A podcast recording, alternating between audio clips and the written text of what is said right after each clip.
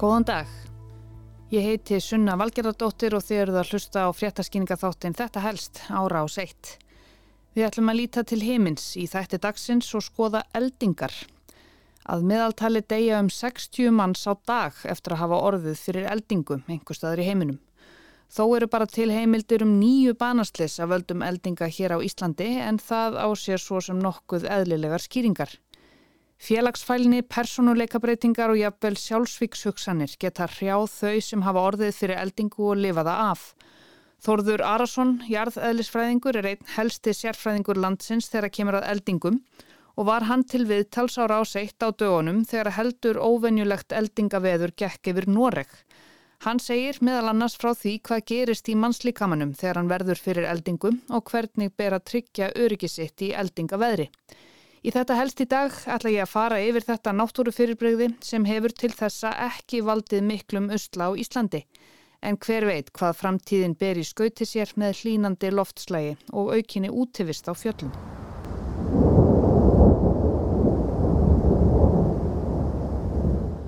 Þrjú létust og einn slasaðist alvarlega eftir að hafa orðið fyrir eldingu við kvítahúsið í Washington, höfuðborg bandaríkjana, síðastliði 50 dags kvöld. Eldingunni laust niður við Lafayette Torg, rétt við kvítahúsið sem er einn vinselasti áfangastæður ferðamanna í borginni. Það var reyndar þannig að sex öflugum eldingum laust niður í grendu kvítahúsið á sömu sekundunni, klukkan 18.49 að staðartíma á nákvæmlega sama stað. Það hafi verið alveg ofsalega heitt þennan dag í borginni og þá er oft ekki von á góðu. Uh, the storm blew up very dramatically at the end of a very hot day here in Washington, D.C. When it blew up, the lightning was just unbelievable for a while here. It hit very fast, easy to get caught out, and that may be what had happened with James and Donna Mueller, both in their mid 70s from Wisconsin. Það skall á rosalega mikið og dramatíst óveður allt í einu eftir mjög heitan dag, segir Tom Forman, fréttaskýrandi CNN þarna í viðtali eftir að slissið gerðist. Eldingarnar voru í raun ótrúlega miklar, segir hann. Þegar þetta viðtal var tekið höfðu einungist tvö látið lífið eldri hjón frá Wisconsin, James og Donna Mueller. Þau voru úrskurðuð látin á sjúkrahúsi á förstudagsmorninum. Hjónin voru að fagna 56 ára brúðkaupsamalinu sínu í höfuborginni en þriðja andlátið átti svo eftir að bætast við Brúk Lambertsson, 29 ára bankamaður frá Los Angeles sem lést síðar sama dag. Hann hafði verið í DC í vinnuferð. Svo fjórða sem varð fyrir eldingunum, hinn 28 ára Amber Esquerdo, lifði af og er líðan hennar sögð stöðug. A couple of years ago, they were injured, but not obviously mm -hmm. that seriously, in that they were able to recover from it. But uh, it really was one of those circumstances when this storm blew up at the end of yesterday. It truly happened so quickly. It's easy to see how anybody, local or visitor, could be caught out.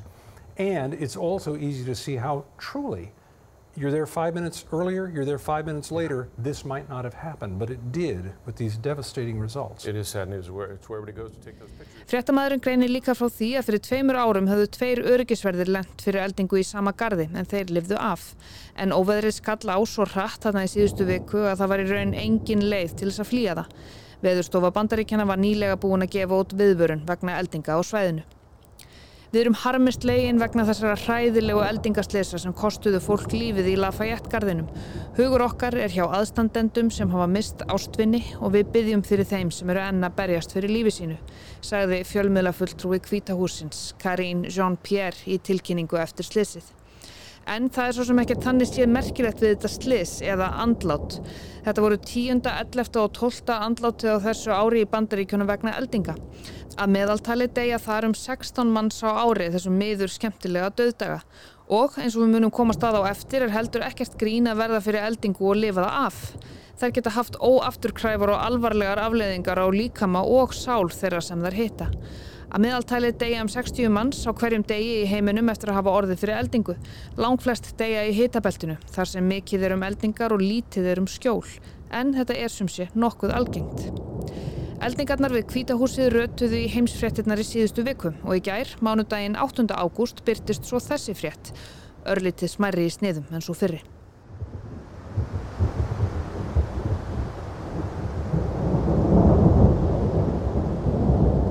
Mikið eldingaveður gengur nú yfir Suðurland og mun mögulega ganga yfir norðaustanvert landið síðar í dag. Samkvæmt upplýsingum frá veðurstofunni hefur fólk ringt inn víða af Suðurlandi til þess að láta vita miklum þrumum og eldingum. Það voru skil að ganga yfir landið en þetta gengur líklega yfir þarna á næsta klukkutímanum. Þetta er frekar óvanalegt, saði Þorstein Vaff Jónsson, veðurfræðingur hjá veðurstofunni. Á bæjarskrifstofu Rángárþings Ytra sagði starfsmæður að það hefði verið eins og held úr fötu og að lætin hefði verið mikil. Þrumur og eldingar fóru sunnan við Heklu, vestan Tindafjalla og á svæði í grend við Þjórsá í gerðmorgun. Svona fréttir eru ekkert rosalega óvinnulegar á Íslandi og þær verðast verða algengari og algengari eftir því sem árin líða og loftið hlínar. Í fyrra sumar var töluvert mikið um eldingar á skrítnum stöðum eins og í Noregi til dæmis þar sem tvær ungar konur létust eftir að hafa orðið fyrir eldingu í fjallgöngu. Vera Íllugadóttir settist niður á morgunvakt rásar 1 með einum helsta eldinga sérfræðingi í Íslands að því tilefni þann 27. júli í fyrra. Sá heitir Þórður Arason og er hann jarðeðlisfræðingur hjá Veðurstofu Íslands.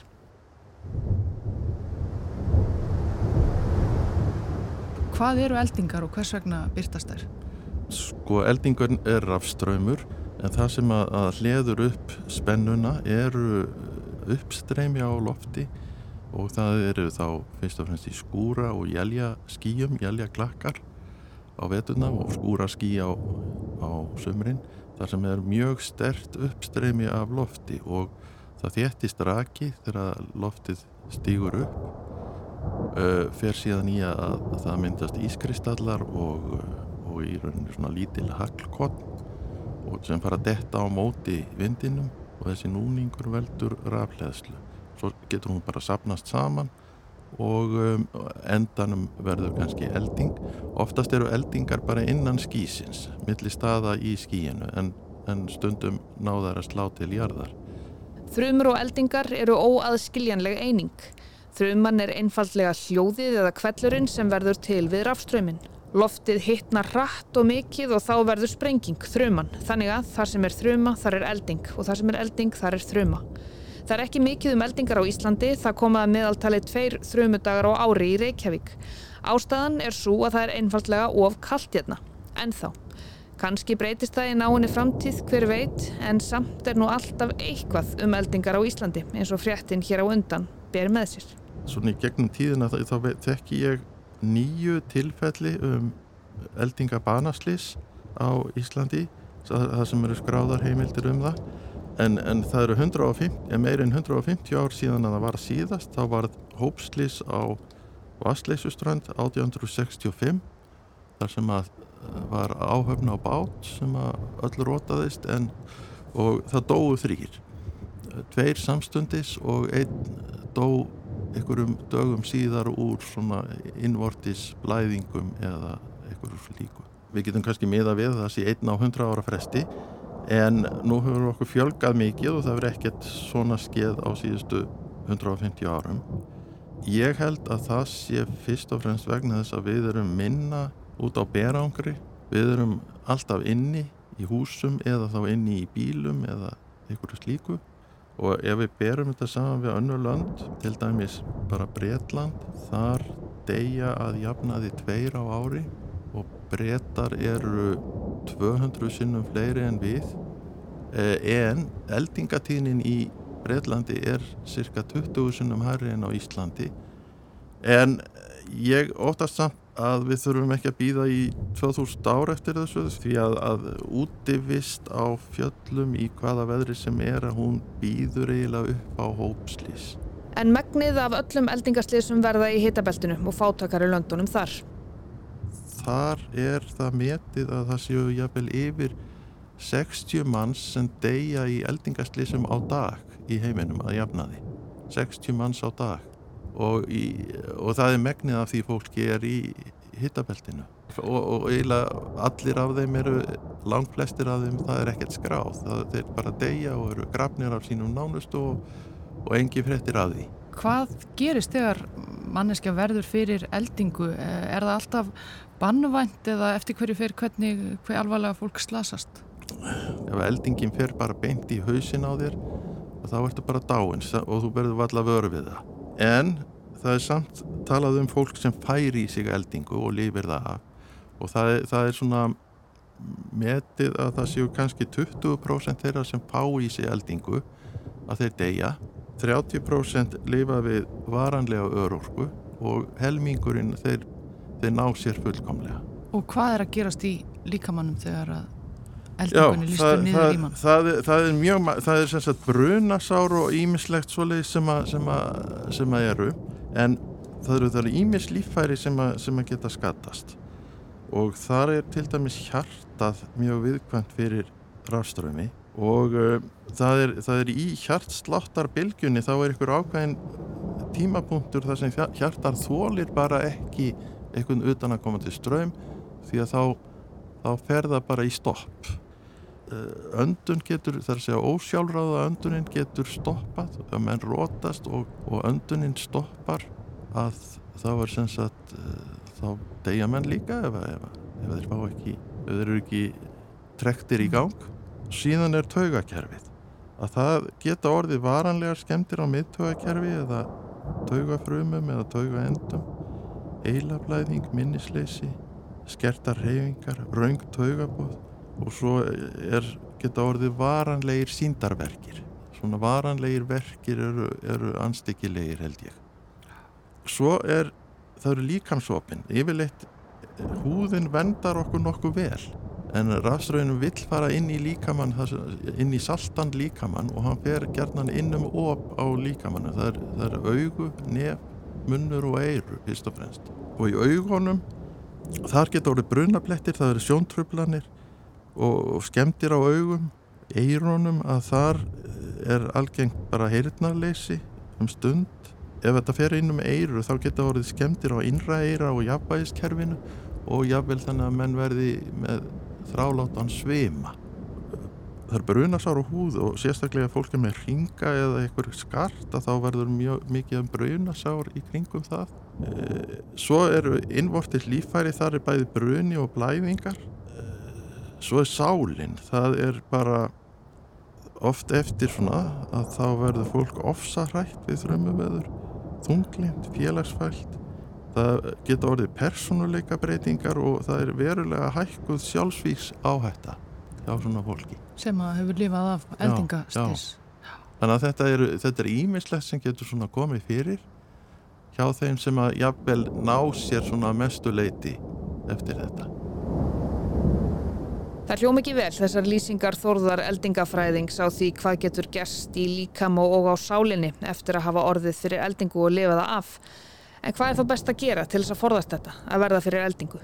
Hópslýs eru algeng þar sem að eru kannski tíu eða fleiri manns í hóp og margir þeirra rótast eða fá eldingu í sig fyrstu viðbröð hjá þeim sem að, sem að ranga á rótinu að það er að bara tryggja vektbang fyrir svona bráðri hættu það ættu svo sem ekkit að huga að eldingahættinu, það er lítið hægt að gera því strax. Ringja í 112 og svo er mikilvægast að skyndihjálpin það er gagvart þeim sem farið, eru lít skattaðir en hafa farið í öndunarstopp eða, eða hjartastopp. Og það er bara með því að hnoða og, og blása. En ef maður er einn á ferð og, og, og sér að það eru eldingar á, á maður að leita skjóls eða, eða forða sér eða Já, hvað er best að gera? sko það er náttúrulega bílar og hús veit okkur mikið skjól.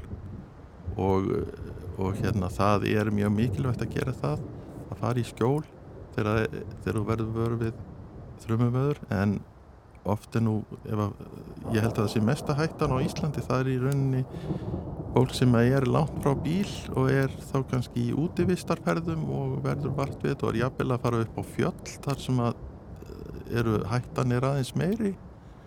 Og, og vill kannski ekki hætta við en, en auðvitað ætti það að hætta við ef það verður, ef það verður mikið þrjumuför og koma sér í bílinn. Bíl er mjög örugt, örugt skjól fyrir eldingu. Bílinn getur orðið fyrir eldingu og einhverju tjóni en, en fólkið inn í honum er örugt. Sagði Þórður Arason jarðeðlis og eldingafræðingur hjá veðurstofunni. Bílinn er einn örugasti skjöldurinn þegar kemur að eldingum, sagðan. Kanski kemur að því að við þurfum að hafa þetta hugfast hér á klakanum en vonandi verður það ekki í bráð.